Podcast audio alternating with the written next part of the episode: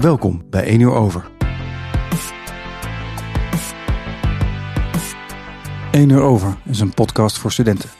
Waarin er met deskundigen, ervaringsdeskundigen en studenten aan de Hogeschool Utrecht wordt gesproken over thema's waar studenten tegenaan lopen. Ons programma biedt houvast door experts aan het woord te laten en biedt ruimte om ervaringen met elkaar te delen. Het is een programma van Podium en het Student Support Center. Live opgenomen in de serre van de Botanische Tuinen in Utrecht. Deze aflevering van de 1 uur over podcastserie maakt deel uit van de dag van het uitstelgedrag van het Student Support Center. En in dat kader gaan we het vandaag hebben over hoge verwachtingen. Prestatiedruk. Willen voldoen aan de verwachtingen van de maatschappij, van de mensen om je heen en van jezelf.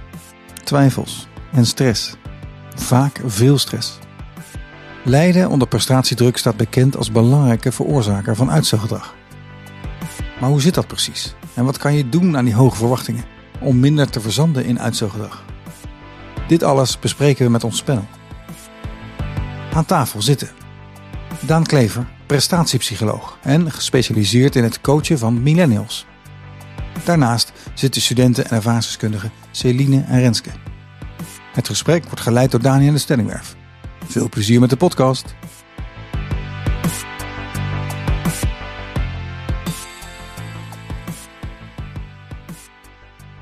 Ik ben Danielle Stellingwerf, ik ben vandaag de gespreksleider. Ehm, dan wil ik eigenlijk het gesprek openen met de vraag: welke hoge verwachting hebben jullie van jezelf? Ja, mag ik aan jou het woord geven, Daan? Welke hoge verwachting heb jij van jezelf? Nou, ik zit hier als expert aan tafel, dus uh, ik moet er nu ineens alles weten van dit vraagstuk. Dus uh, dat vind ik wel spannend. En uh, dat is alweer een hoge verwachting van mezelf. Dus dat is wat ik van mezelf verwacht. Dat ik uh, veel dingen over positieve prestatiepsychologie weet. Maar ik heb ook hoge verwachtingen over uh, dat ik succesvol moet zijn. En dat ik uh, huis moet kopen. En ook een mooi huis. Ik ben natuurlijk ook millennial, 34 jaar. En ik ja, leg ook wel druk op mezelf daarin. Ik, op verschillende gebieden. Ik moet een, een goede vader zijn. Ik moet de leukste vriend zijn. Ik, nou, op die manier. Ja. Op alle vlakken moet je goed presteren. Ja, best wel veel. Oké. Ja. Ja. Ja. Ja. Ja. Nou, dankjewel. Daar gaan we zo verder op in, denk ik ook nog meer. Op onze eigen ervaringen. Dan ben ik ook wel benieuwd naar jou, Celine. Welke hoge verwachtingen heb jij eh, van jezelf? Ja, ik heb tijdens mijn studie vooral heel veel hoge verwachtingen gehad qua wat ik wilde neerzetten, qua verslagen, tentamens. Gewoon altijd goed willen doen. En ook qua creatief vlak. Eigenlijk gewoon niet eens beginnen, omdat je dan zo bang ben dat je het gaat verpesten. En dat is gewoon zonde. Maar ik word er steeds beter in. En nu deal ik vooral met hoge verwachtingen van de toekomst. Bijna aan het afstuderen. Dus dan komt er allerlei nieuwe dingen op je pad. Wat ook heel spannend is. Ja, dat soort dingen vooral. Ja, dus nu die switch eigenlijk naar een nieuwe levensfase. En moeten weten wat je wil. En moeten weten wat je kunt. Ja, ja. dat is heel wat, ja. Ja, nou dankjewel. En ik ben ook al benieuwd zo meteen dan met Celine um, hoe het dan komt dat het nu beter gaat. Oh, maar daar gaan we zo meteen ja. op in. Um, en ik ben dan wel benieuwd, als we het hebben over hoge verwachtingen, um, is het iets van deze tijd dat wij nu zoveel hoge verwachtingen hebben van onszelf? Of is het iets wat eigenlijk alle generaties hebben gehad, dat wanneer ze student waren, ze hoge verwachtingen hadden van zichzelf? Kun je daar iets over vertellen dan? Ik ga proberen. Zit hier, ja, nou, er zitten hier wat, wat, wel een paar wat uh, ouderen in de zaal. Het is ook wel interessant om daar die vraag te stellen. Maar over het algemeen denk ik dat uh, het, het, er wel op lijkt dat, er, dat jongere generaties nu wel echt heel veel uh, hoge verwachtingen hebben. Wat zich, denk ik, vertaalt in uh, prestatiedruk, ja. stress, ehm, overspannenheid en zelfs burn-out al op hele jonge leeftijd. Ik denk dat dat wel het gevolg is van, van die hoge verwachtingen. Ja. Um, Um, dus ja, die, die uh, cijfers zijn echt wel drastisch omhoog gegaan. Dus ik denk wel dat er een aanleiding is om dat te zeggen, ja. Ja, en waardoor denk je dat dat komt? Ik denk dat de wereld wat complexer is geworden. Um, dus ik denk ook de manier hoe deze generatie, dus ik noem even generatie Z en millennials. Ik weet niet of iedereen begrijpt wat ik daaronder verstaat, maar... Ja, wat zijn, wat zijn de generaties? Ja, nou ja, ja, je hebt generatie Z, dat is ongeveer, ja, dat is wel van wat er vanaf 2000 is geboren. Dus zeg maar uh, tot 23. En dan komt de millennial generatie, dus over het algemeen tussen 1980 en 2000. Dus mensen die ongeveer tussen de 25 tot 40 jaar uh, ja. zijn. En dan komt generatie X, dat zijn de, pragmatische, de pragmaten genoemd. En daarna, zo na 65 jaar, dat zijn de babyboomers. Oké, Ja. ja. Goed als context. Ja, Ja. en ehm, wat je ziet is dat onze generatie, eh, millennials en ook generatie Z, over het algemeen door de babyboomers en oudere generatie X zijn opgegroeid. En die hebben eigenlijk als eerste generatie, eh, wij hebben eigenlijk de meeste liefde en tijd en aandacht gehad in onze opvoeding. Maar daarmee ook wel te horen gekregen dat we heel bijzonder zijn en speciaal zijn. Ehm, en dat de wereld ook maakbaar is. Dus dat de toekomst eigenlijk eh, voor je voeten ligt. En dat is heel mooi, dat biedt heel veel kansen. Maar naarmate je je ontwikkelt, eh, zie je ook dat er dus heel veel kansen zijn. Heel veel kansen en keuzes. En dat het nog best wel lastig is om een pad te vinden die, eh, waar je gelukkig van wordt en waar je nou ja, ook voor kan gaan. En dat gaat wel gepaard met keuzestress, dus dat is, een, dat is er eentje. Ehm, en ook eh, ja, hele hoge verwachtingen, maar ook digitalisatie, wat vroeger er echt niet was. Dus ontzettend veel, knikken, ontzettend, ontzettend veel zicht op wat anderen doen en wat de wereld doet. En dan zien we vooral ook de mooie plaatjes in de beelden. Eh, en eh, wat blijkt is, ja, we zijn heel goed in opwaarts vergelijken. Dus we gaan we eigenlijk, we zien vooral hoe het, ja, eigenlijk kijken we continu naar het irrealistische geluksperspectief van andere mensen. Nou, daar word je doodongelukkig van. Dus social media is, ja, is eigenlijk gewoon gif, om het even zo eerlijk te zeggen. Dus eigenlijk door de sociale media en dat we onszelf kunnen vergelijken met veel meer mensen. En dat we opgevoed zijn door ouders die ons meegaven: de wereld is bijzonder, de wereld is goed en jij bent bijzonder. En eh, je, je kunt je eigen geluk maken. En dat we dan terechtkomen in een hele complexe wereld waarbij het toch iets ingewikkelder lijkt. Ja. Dat zorgt er eigenlijk allemaal voor dat we hoge verwachtingen hebben van onszelf en misschien Ja. ook wel van de wereld. Ja. En dat we dan nu daarmee struggelen dat, het, ja, dat we dan, daar toch best een beetje druk van voelen. Ja, dat denk ik wel, zeker. Dat zijn eh, een, een paar eh, thema's die heel belangrijk zijn, denk ik, waar Ja. het vandaan komt. Ja. Herkennen jullie dat? Celine en Renske, ik zie je hard knikken, Renske. Ja, nou zeker het stukje ehm, digitalisering en eh, ja, sociale media. Dat herken ik zeker wel. Dat, ehm, ja, weet je, je ziet inderdaad wat Daan zei, het, het perfecte plaatje. Ik denk dat dat ook wel een onrealistisch beeld is. En het kan nooit helemaal goed gaan met iemand. Ja. Eh, en daar ook gewoon gesprekken over aangaan en zo met mensen verder. Dat, ja, Ja. dan verlaag je de hoge verwachtingen een beetje. Nou, mooi. Laten we er zo ook meer op ingaan. Op welke manieren je je verwachtingen een beetje kunt bijstellen naar de realiteit. En wat eigenlijk realistisch mag zijn. Ik ben ook wel benieuwd naar jou, eh, Celine. Ik zag jij net ook knikken. Ehm, wat herkende jij in het verhaal van Daan en van Renske misschien? Nou, ik denk vooral dat je steeds meer dingen meekrijgt dan vroeger. Nu weet ik bijvoorbeeld van mensen die ik ooit een keer op de basisschool heb gezien dat ze een Cambridge-diploma hebben gehaald in Afrika. Kijk, dat, dat legt ook al een druk op van, oh, die mensen doen dat nu en wat doe ik nu? En daar ben je best wel mee bezig, ja. Maar het geeft ook natuurlijk veel kansen dat je veel dingen bij kan leren. Maar je ziet ook hoe goed andere mensen dan zijn. Dus het heeft eh, twee kanten, ja. Ja, ja nou dankjewel.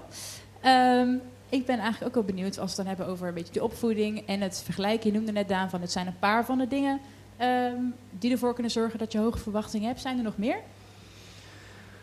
Nou ja, ik, ik, ehm, het is echt een maatschappelijk ding. En het, is, eh, het, komt denk ik voort uit het systeem waar wij in opgegroeid zijn. Ehm, waar over het algemeen oude generaties in gedijden, zo lijkt. Maar waar je merkt dat wij daar echt wel heel veel moeite mee hebben. En het begint eigenlijk al op de basisschool. Dus ja, we leven toch in een prestatiemaatschappij. Waarin we eigenlijk in elke context toch in een situatie worden gezet. Waarin je eigenlijk al eh, je prestaties hebt te laten zien en dat je daarop beloond wordt. Dus eigenlijk het beloningsmechanisme zorgt er al voor dat we onderling elkaar met elkaar vergelijken. Want ja, weet je, in groep 1 dan was ik nog wel met mezelf aan het spelen, maar in groep 4 kregen we toch al wel dezelfde cijfertjes voor dezelfde taak. Volgens mij in groep 3 al of in de Ja, kleuterklas al. hoor. precies. Ja. Er waren nog geen 1 tot met 10. Er was toen een voldoende een VG'tje, een goed of een GU. Maar ik weet dat daar bij mij al, ehm, ik weet dat schrijven, eh, dat ik dat heel spannend vond. En toen kwam ik al tot realisatie, maar wacht even. Ik krijg een, een, een ZV en ehm, eh, Piet krijgt een, eh, een GU. Hoe zit dat eigenlijk? Dus je wordt eigenlijk van jongs af aan, word je eigenlijk al de competitie met elkaar aangegaan. En dat houdt eigenlijk niet meer op. Dus je ziet eigenlijk dat we toch ook die hele beloningsstructuur ook in het schoolsysteem vinden. En ehm, zelfs ook natuurlijk eh, in het werkende leven is het een competitieve eh, wereld. Ehm, dus we leren zo om ons succes en ehm, daarmee ook falen af te laten hangen van een ander. En daarmee leren we van jongs af aan eigenlijk al te leven naar verwachtingen van ja, het systeem of anderen. Of ouders. Hè? Dat is natuurlijk ook altijd heel belangrijk, wat ouders je daarin meegeven en wat je daarvan leert. Uh, en daar zit vaak wel de bron van faalangst, prestatiedruk en hoge verwachtingen. Ja, en ik hoor dan nu heel veel dingen die best wel extern zijn. Dus het, door het systeem eigenlijk, door het systeem waarin we leven, die gericht is op, op prestaties en uh, op beloningen die je krijgt. Dat zijn allemaal externe dingen. Ja. Uh, ik zie hoge verwachtingen ook wel, soms perfectionisme ook wel als een eigenschap. Ja, klopt. Um, hoe verhoudt dat zich tot elkaar? Is de eigenschap perfectionisme ontstaan door dat systeem? Of is dat systeem. Of, hoe werkt dat? Ja. Heb je daar een Nee, idee van?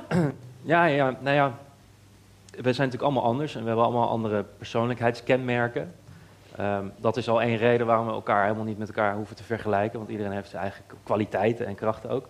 Maar ehm, je hebt persoonlijkheidstesten, dus daar word je, kan je ook meten van, hey, sommige is wat meer introverter en de andere wat extroverter. Eh, sommige, som- soms is iemand van nature al wat meer open dan anderen. Dus een Big Five-test is een, is een bekende persoonlijkheidstest. Maar daar hebben we het ook over bijvoorbeeld hoe zorgvuldig je bent. En dat linkt ook wel weer aan perfectionisme. Dus iedereen heeft een bepaald perfectionisme in, eh, in zich. Ehm, en dat is helemaal oké. Dat helpt al als je daar bewust van bent. Alleen ik denk wel dat de omgeving van nu perfectionisme heel erg bij mensen naar boven haalt. En perfectionisme heeft voordelen, maar als het te veel wordt, ja, dan krijgen mensen, ervaren daar echt heel veel stress en, eh, en druk onder. Ja. Dus ik denk dat het, het, het is een karakterstructuur, maar het wordt in vandaag de dag wordt het, denk ik, eh, heel erg bij mensen, ehm, te veel naar bij mensen omhoog gehaald. Ja. Hoe zit dat bij jullie? Merken jullie dat ook? Dat het perfectionisme omhoog wordt gehaald? Ja. ja, best wel flink. Ik heb daar ook wel nog even over nagedacht. En ik dacht, ja, bij mij ligt het wel ook aan de karaktereigenschappen die er rondomheen zitten. Ik voel me bijvoorbeeld altijd super verantwoordelijk. Ik ben heel erg zorgzaam en ik wil dingen gewoon echt netjes en goed doen. Ja, dat versterkt die hoge verwachtingen dan alleen maar meer. En op het moment dat je er echt last van krijgt, dan helpt het je dus natuurlijk niet meer. Dus Mhm. ja, ik heb Ja. daar wel eh, ja, Ja. persoonlijke strijd mee nog steeds. Ja. Mag ik vragen, waar, waar, wat, wat is dan een context waarin dat het, het vaakst naar boven komt? Nou, wel bij creativiteit ben ik daar echt het afgelopen jaar heel erg tegen aangelopen. Dat je gewoon zo erg merkt van, oh, nou ga ik dus iets doen voor mezelf. Ja. Wow, dat, eh, ik doe liever iets voor anderen en dan goed doen. Dus dat, ja, dat is een context. Ja, Ja. oké. Je het eigenlijk moeilijk vindt om dingen voor jezelf te doen bijna. Klopt dat? Ja, omdat je zo verantwoordelijk voelt van, oh, maar ik moet eigenlijk die andere dingen ook nog managen en ik moet daarin groeien, want ja, dat staat beter dan even iets voor jezelf doen. Terwijl dat zo belangrijk is, juist om even iets creatiefs en iets anders te doen. Ja. En ook dingen fout te mogen doen. Ja. Ja. En hoe ga je daar dan mee om? Je, je start zo'n creatief proces en je merkt dat je er tegenaan loopt. Eh, hoe ga je daar dan mee om? Ja, eerst huilen, eventjes soms. Ontladen. Ja, maar het merk, merk ook als ik er met mensen over praat, dat je dan eh, begint te begrijpen waar je vastloopt. En dat is ook op studie ook. En dat je dan gewoon weer even een stapje ervan af doet en dan realistischer naar jezelf kijkt van, oh, waar heb ik het nou over? Ik doe dit ook pas voor het eerst. Ik mag ook even fouten maken. Ik mag ook groeien. Ja, gewoon weer even realistisch naar jezelf durven kijken, ja. Dus praten met anderen helpt. Even huilen, die spanning loslaten. Ja. Dat lijkt me ook helpen. Ja, nou fijn. Dank je. Ik ben ook wel benieuwd, Renske, je zit Ja. ook aan tafel. En je zei ook, ik heb last van hoge verwachtingen en daarmee ook uitstelgedrag.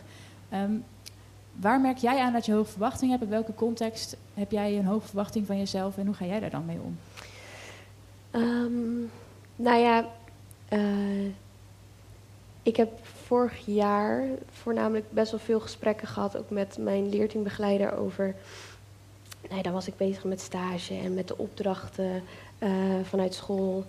En ehm, dan zei ik ook van ja, ik vind dat ik dit en dit en dit allemaal moet doen voor die opdracht. En dan zijn mijn leerteambegeleider zei ook, maar je maakt het nu heel groot weer. Je, maakt, je wilt heel veel, wat leuk is, maar het is niet nodig voor de opdracht. Als je het kleiner maakt en het dit doet, eh, is het ook goed.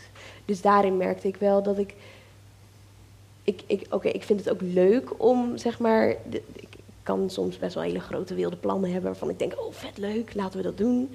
Ehm, maar eh, dat zorgt ook wel dat ik de lat wel hoog leg voor mezelf.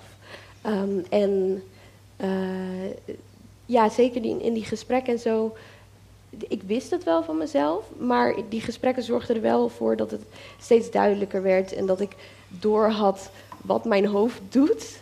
Eh, en uiteindelijk belemmert me dat, omdat ik dan, dan heb ik zulke hoge verwachtingen en dan denk ik, ik moet dit en dit en dit allemaal doen. En dan krijg ik daar best wel veel stress van.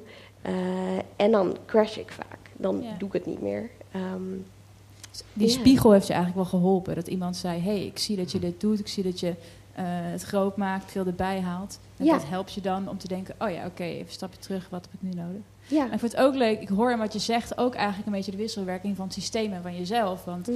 wanneer jij heel enthousiast wordt en iets groter maakt en er is geen ruimte voor, want de opdracht is klein, denk ik ook, ja, dan ligt het ook niet helemaal aan jou, want die opdracht is soms gewoon te klein, misschien. En dan, ja, dat eh, herken ik bij mezelf in ieder geval ook. En eh, Hmm. vind ik ook dat we er ook bij stil mogen staan. Het ligt niet alleen aan het feit dat jij het te groot maakt, maar misschien ook dat er gewoon geen ruimte is om het groot te kunnen maken. En dat jij dan enthousiast wordt en dan moet je het klein maken. Dus dat is misschien ook, eh, ik wilde dat even benoemen. Ik het hoorde terug, je hoorde in je voorbeeld. Dankjewel. En zo te horen, doordat je het dus met iemand bespreekt, eh, check je eigenlijk bij je zin van hey, hoe realis- hoe realistisch zijn die verwachtingen en ook wat is eigenlijk mijn zelfspraak. Dus wat zeg ik nou eigenlijk tegen mezelf? Ja, Dus dat, zeker. dat helpt soms ook. Gewoon meer bewustwording op, op je eigen gedachten. Ja, absoluut. Dat helpt heel erg. Ja. Ja. Nou, Ja. fijn, dankjewel. Ik ben dan ook wel benieuwd, we hebben het natuurlijk een beetje over wat, wat voor hoge verwachtingen we hebben van onszelf en waar we dat aan merken. Ehm, ik ben ook wel benieuwd welke impact dat eigenlijk heeft op jullie. eh, en wat jij ook ziet in je praktijk als je werkt met mensen die veel last hebben van hoge verwachtingen. Ehm, en welke impact heeft het hebben van een hoge verwachting op je? Celine? Wat merk jij? Ja, ik merk er te veel stress van of zo. Dat je de last van krijgt echt in je lijf, in je buik. Dat je spanning voelt waar je denkt, ja, weet je, volgens mij kan ik dit makkelijk. Maar waarom, waarom lukt het nou niet? En dan zie ik hier in de zaal wat mensen die ik aankijk waarvan ik denk, oh ja, daar heb ik dat van geleerd. En die heeft mij dat verteld over, over dat je ook misschien anders leert dan wat het nu aangeboden wordt. Dus bijvoorbeeld het top-down leren en het bottom-up leren, als ik het goed zeg. Dat, eh, ja, dat heeft mij toen wel doen bedenken van, oh, ik zit gewoon anders in elkaar. Ik moet, voor een opdracht moet ik eerst zorgen dat ik echt structuur heb en weten wat de kaders zijn. Want anders ga ik inderdaad ook te groot denken. Dus die impact is dat je aan jezelf gaat twijfelen en dat je het ook fysiek kan gaan voelen. Dat is bij mij de impact geweest, ja. Nou, dus echt de twijfel aan jezelf en stress komt eigenlijk voort uit de hoge verwachtingen. Ja, dat je denkt, oh, nu heb ik iets ingeleverd en dat is maar een zesje. En dan krijg je weer een acht of een negen terug. En dan denk ik, ja, waar- waarom gebeurt dit iedere keer? Kan ik niet gewoon zeggen van, hé, hey, je doet het al goed, weet je wel? Ja, zes is genoeg. Ja, ja. Ja. Zie je dat ook terug in de praktijk, eh, Daan? Veel bij mensen die jij spreekt over een eh, prestatiedruk, hoge verwachtingen. Ja, ik denk dat hoge verwachtingen echt de basis is van stress, overspannenheid en, en burn-out. En ook, ook volksziekte nummer één is depressie. En ik denk ook dat daar veel links leggen, liggen. Ehm, als, als je continu hoge verwachtingen hebt, dan eigenlijk ehm, is het heel lastig om, om aan die verwachtingen te voldoen. En als dat niet lukt, ben je jezelf dus ook continu aan het teleurstellen. Dus het heeft heel veel impact op, op ook je zelfbeeld, op je zelfvertrouwen, daarmee ook je geluk maar ook je gezondheid. Dus je ziet dat ehm, er ontzettend heel veel mensen chronisch stress ervaren. Dus als je kijkt naar generatie Z en millennials, 33% is chronisch gestrest. Dat is echt veel. Ja, dat is 1 op de 3, dus die dus eigenlijk niet meer in ontspanning kan komen. Dus die is eigenlijk die is, die is continu ehm, onder de stress. En uiteindelijk leidt chronische stress tot overspannenheid. En als je lang overspannen bent, raken mensen echt burn-out. En dan ben je psychisch en emotioneel ben je echt helemaal, lig je gewoon op de bank. Dat zijn er ook 1 op de 7 tegenwoordig, die, die echt burn-out klachten ervaren. Dat is echt een groot probleem. Dus eigenlijk, hoeveel mensen zitten er nu in deze zaal? Ik ben heel slecht in tellen, maar dat 1 op de 7 van de mensen die hier zitten... misschien wel gewoon zeg maar, naar huis gaat en dan verder s'avonds niks meer kan doen en plat ligt. Ja, burn, ja dus burn-out nou, klachten. klachten ja, ja, ja. Eh, maar volgens mij 1 op de 10 heeft echt, echt eh burn-out verschijnselen. Ja. Ja. Dus er is nog verschil tussen klachten en iemand echt. eh, ja. volgens mij zijn er een, een, een bevriende, ook iemand die eh, helemaal in de generaties zit, die heeft ooit in zijn boek geschreven dat eh 100.000 millennials eh, ja, met burn-out op de bank liggen. Dus dat is zo groot als een stad als Delft. Is dat Thijs? Launsbach? die je nu benoemt? Nee, dat is, Oh. nee, ja, dat is, dit, is, dit is Jasper Scholten. Ja. Thijs Launsbach. van, eh, Die spreekt Scholten. vanavond ook bij het Faalfestival. Ja, Want ja, ja, iedereen ja. wacht te denken, ah, ik wil je meer even weten. Er is vanavond ook een Faalfestival, daar kom ik zo Ja. op terug. Maar, Nee, Thijs weet echt ook echt van alles. Van, ja, die, die, staat ook echt, die staat ook echt voor eh, hier veel meer bewustzijn op creëren. Ja. Dus de impact is, is mentaal, psychisch. Maar je, soms merk je dat en ben je daar niet bewust van. En heeft het ook gewoon, dat noem je psycho, eh, ja, psychosomatische klachten. Dus dan merk je dat je stress krijgt. Ik had ook op een gegeven moment, ik denk, hoe, waarom krijg ik uitslag? Nou, nu achteraf denk ik, ja, ik had daar echt te veel stress. Dus soms merk je het ook echt fysiek. Ik krijg vaak blessures en ontstekingen Ja. als ik eh, gestrest ben. Merk ik het Ja. ook aan. Ja, ja. Nou mooi. Eh, nou, we hebben het natuurlijk nu over de samenleving en hoe we daar wat in kunnen doen. Ik ben ook al benieuwd ehm, als we het hebben over wat kun je zelf doen, waar heb je impact op. Nou, we kunnen het gesprek gaande houden, Eh, maar je kunt natuurlijk ook kijken naar jezelf. Van wat kun je nou doen om nou, of die druk bij jezelf te verminderen, of eh, ja, om die hoge verwachtingen om die te snappen en bij te stellen. Wat, wat kun je daarin doen? Dat vraag ik even aan jou, Daan. ja, nou ja, ook op basis van de vraag die je eerder stelde. Ik denk dat heel veel anderen ook wat moeten gaan doen. Maar ja, eh, het is ook de vraag, ja, eh, begin bij jezelf. Ehm, dus wat je ook wel kan doen, is bij jezelf nagaan. Ehm, eigenlijk meer bewustwording, daar begint het mee. Inzicht in jezelf, waar, waar loop ik dan tegenaan of waar leg ik de druk op? En waar bestaan die verwachtingen dan uit? Om daar eens wat meer onderzoek naar te doen. Waar leg je de druk op en waar bestaan de verwachtingen uit? Ja, en waar komt dat misschien wel vandaan? Eh, wat was jouw naam? Ehm, ja, Nienke, die zegt al, ja, nou ja, ik merk dat er bepaalde druk ook vanuit mijn ouders komt. Nou ja, als je merkt dat daar bijvoorbeeld al bepaalde hoge verwachtingen vandaan komt, ehm, is dat ook interessant om dat te kijken, ja, wat zijn dat dan? En om daar misschien eens met elkaar over te praten. Is dat ook wel zo? Ook die verwachtingen te checken? Of is dat dus daarin ook blijf met mensen erover hebben? Kwetsbaarheid, die gesprekken blijven aangaan. En wat ik denk, wat, we, wat lastig is ook vanuit dit systeem, is we allemaal dus op een, een of andere manier op zoek zijn naar, noem het even, succes en geluk. En daar dus onze verwachtingen aan. Maar eigenlijk dat we eigenlijk helemaal niet zo goed weten wat ons succes en geluk dan is. Dus we zijn continu naar verwachtingen aan het jagen. Maar eigenlijk, ja, waarheen dan? Dus ehm, wat ik ervaar, wat heel krachtig is om te doen, en waar ik dus ook waar ik onder andere mijn werk van heb gemaakt, dat heeft heel veel te maken met persoonlijk leiderschap. Dus het zegt al. Ehm, meer regie pakken over, meer verantwoordelijk pakken van ja, wie ben ik eigenlijk? En wat vind ik een mooi leven? Of waar, wat vind ik leuk om te doen? Dus meer inzicht in waar je kwaliteiten liggen, maar ook wat je belangrijk vindt in het leven. Dus wat je waarden bijvoorbeeld zijn. Ja, dus ik hoorde je net zeggen, iets wat je kan doen is met, met de mensen in gesprek gaan waarvan je denkt, die hebben verwachtingen van mij om te checken, is dat wel zo? Ja. En ik hoor je nu ook zeggen, eh, voelen wat je nou eigenlijk belangrijk vindt en waar je kwaliteiten liggen en dat bij jezelf te ontdekken. Ja, omdat er zoveel is, besluit ook ehm, ehm, waar je dan je focus op wil leggen. En Ja. dat kan ook helpen. Ja, ik had ook nog een vraag opgeschreven van, er hebben soms topsporters en mensen die, die eh, eh, nou, best wel in de spotlight staan, die het echt wel gemaakt hebben doordat ze hoge verwachtingen hebben van zichzelf, die dat als een soort ambitie verwoorden en dat als een drijf gebruiken om dingen te doen. Ehm, denk je dan dat zij eh, die hoge verwachtingen die ze hadden van zichzelf gewoon gecentreerd hebben op één onderdeel en daarnaast dachten, ah, dat maakt me niet uit, dat, dat ze zo ermee om zijn gegaan? Ja. Ja. Hoe kunnen we daarmee omgaan? Kunnen we zeg maar en hoge verwachtingen hebben van, zichzelf, van onszelf en daarnaast niet last hebben van stress? Ja, dat is een balans, denk ik. Ja, het helpt je natuurlijk op een bepaalde manier ook wel om tot bepaalde prestaties te komen. Ehm, alleen dat is denk ik daarin inderdaad een beetje zoeken. Mag ik één nog één formule delen? Zeker. Wat mij altijd helpt ook. Ja? En die komt van eh Mo Gabdat. Ja, dat is een, eh, dat heeft het, eh, die heeft de logica van geluk geschreven. Dat is geluk is realiteit min verwachting. Als je geen verwachting zou hebben en je haalt die weg uit de vergelijking, krijg je, krijg je eigenlijk geluk is realiteit.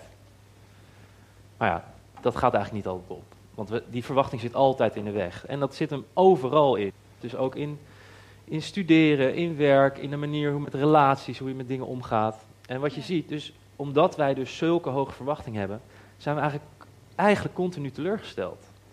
En dat is wel. ehm, en wat kan je daar dus mee? Je kan kijken naar die verwachting. Dus kijken, oké, in hoeverre zou ik die verwachting kunnen bijstellen? Ehm, in plaats van dat we ook continu kijken om die realiteit te willen veranderen. Dus je kan zowel naar je realiteit als verwachting gaan kijken. Ja, ja dus past je realiteit eigenlijk bij de verwachting?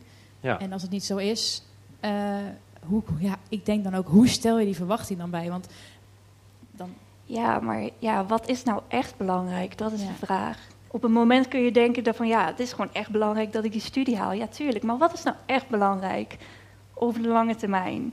Ja, dat ik gewoon achter mijn keuze sta, dat ik me goed voel. Dat ik Ja. mensen om me heen goed verzorg. En dat is echt belangrijk. De rest, ja, weet je. Ja, maar dat is dus wel mooi wat je nu doet. Eigenlijk ben je nu aan het relativeren. Ja, En dat is soms waar we elkaar wel bij kunnen helpen. Want je kan zo tunnelvisie hebben op die prestatiedruk. Terwijl, het is een hele diepe vraag, maar je kan je ook afvragen als je aan het einde van je leven bent en je kijkt terug. Ja, waar, waar, waar heeft het dan om gedraaid? Wat was echt belangrijk? Ik heb wel een vraag. Want eh, waar we het net over hadden van geluk is realiteit minder verwachting. En dat als je dus die verwachting zeg maar zou weghalen, dan ben je gewoon blij met hoe de realiteit is, als ik het goed begrijp. Maar voor mijn gevoel is dat iets wat ik wel eerder heb gehoord in meer een soort van Oosterse filosofieën. En daardoor kreeg ik een beetje de vraag van, is het iets heel westers, die hele prestatiemaatschappij? Of hoe zie je dat in andere culturen? Ik weet niet of jullie daar iets over weten. Daar ben ik gewoon nog geïnteresseerd in. Ja. dank je wel, mooie vraag.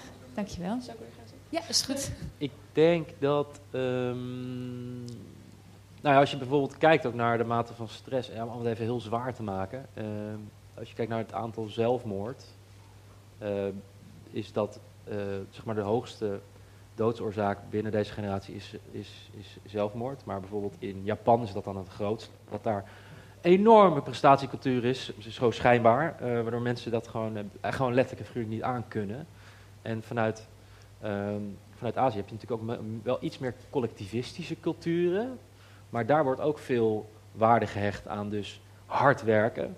Ehm, Ja. ja, Ik ben dan eigenlijk in aanvulling daarop ook wel benieuwd. Eh, we hebben het natuurlijk nu over hoe dat kan verschillen, per cultuur ook. Eh, en je noemde eerder ook al van het is goed om bij jezelf na te gaan waar het in gegrond is. En als ik dan denk van oké, hoe kunnen we hier met z'n allen weggaan en weten wat we nou concreet kunnen doen. Ehm, hoe ga je bij jezelf na waar je je eigen gevoel van oh, ik heb een hoge verwachting van mezelf of ik heb ervaar veel prestatiedruk, waar dat dan in gegrond is? Ehm, het kan helpen als je dus eigenlijk ook teruggaat en gaat onderzoeken. Wat is eigenlijk mijn levensverhaal? En vanuit welke situaties heb ik voor mezelf verwachtingen gecreëerd die nog steeds impact op mij hebben? En dat is best wel een moeilijk dialoog met jezelf. Bijna een tijdlijn maken of zo. Ja, ja, dat is wel vaak ook het begin van als je gaat coachen zo. Dan ga je, nou, vaak heb je een behoefte voor in de toekomst. Dan kan zijn, ik wil gelukkiger zijn of ik wil meer mezelf accepteren of, of wat dan even. Maar het begint, voordat je naar voren gaat kijken, begint het met terugkijken. En dat begint eigenlijk al vanaf je geboorte. En dan ga je zoeken. En dan ga je ook wel eens kijken, hé, hey, waar zijn sleutelmomenten te vinden? En als mensen daarachter komen, dan zie je dat daar heel veel herkenning ontstaat. En daarmee ook het soort van erkennen van je situatie. En dat uiteindelijk kan ook meer zorgen dat je met meer compassie naar jezelf gaat kijken. Want je, je begrijpt van jezelf, oh ja, ik ben dus nu komt er een situatie voor waar ik onzeker over ben. Je kan dan meer eh, vanuit compassie naar jezelf kijken en dat helpt met situaties beter leren omgaan. Ja. Ik ben benieuwd of er nog vragen zijn vanuit het publiek. Dankjewel Daan voor de toelichting. Zeker. Weer een quote, kom. Weer van, eh, Kon jij lekker hier bij ons zitten? Al? Ehm, omdat we ook heel veel op ons bordje hebben en ook zeggen van oké, ik moet dit doen, ik moet dit doen, ik moet dit doen. Gewoon echt een hele to-do-lijst. Ehm Tanta gaat op Instagram, een heel mooi account. Niet alles hoeft vandaag, behalve ademhalen. Dat is essentieel. Dus als je dat nu doet, heb je het essentiële voor vandaag al gedaan. Nou, dankjewel. Ik vind dat een mooie afsluiter. Eh, dus daar gaan we even mee afsluiten. Als er nog meer vragen zijn, we gaan zo lekker lunchen napraten. Dus dan kun je al je vragen nog stellen aan een van ons of aan elkaar. Eh, dat is heel mooi. Ik wil de tafelgasten eigenlijk vragen voor een mooie, maar hoeft misschien niet eens een afsluiter. Ik denk dat dit eigenlijk wel mooi was. Ik wil jullie gewoon even bedanken. Eh, bedankt voor het meepraten. Bedankt jullie aan het publiek ook voor het luisteren en het meepraten. Ehm, dank jullie wel en eet smakelijk. En jullie ook nogmaals bedankt.